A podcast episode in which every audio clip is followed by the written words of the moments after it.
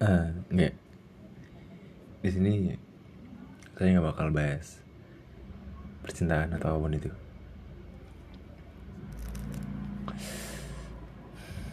Sini cuma pengen bahas tentang real orang tua aja sih.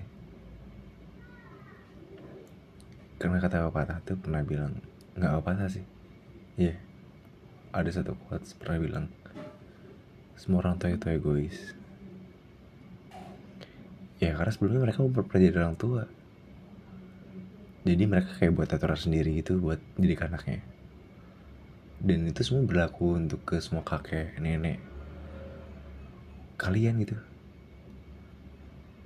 Karena nggak ada yang pernah jadi orang tua ya, iya gak sih kayak orang tua kalian lahir dari nenek kalian atau siapa pun itu lahir nih terus mereka nggak tahu kan cari di cari di karena gimana ya mereka cari pakai caranya orang tua yang dulu.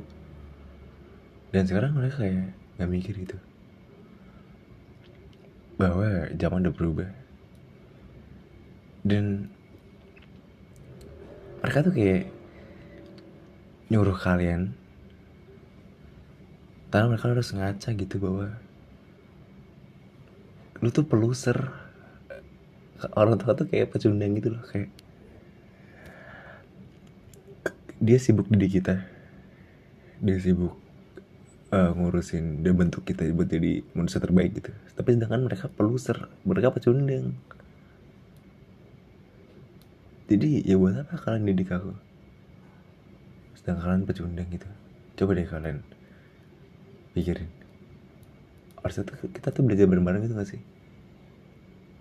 Ya kalau setidaknya aku gagal dalam didikan kamu ya maaf. Aku udah berusaha jadi terbaik. Ya kalau gagal setidaknya pecundang satu rumah gitu. Pecundang pecundang pecundang pecundang satu rumah. Gitu aja sih.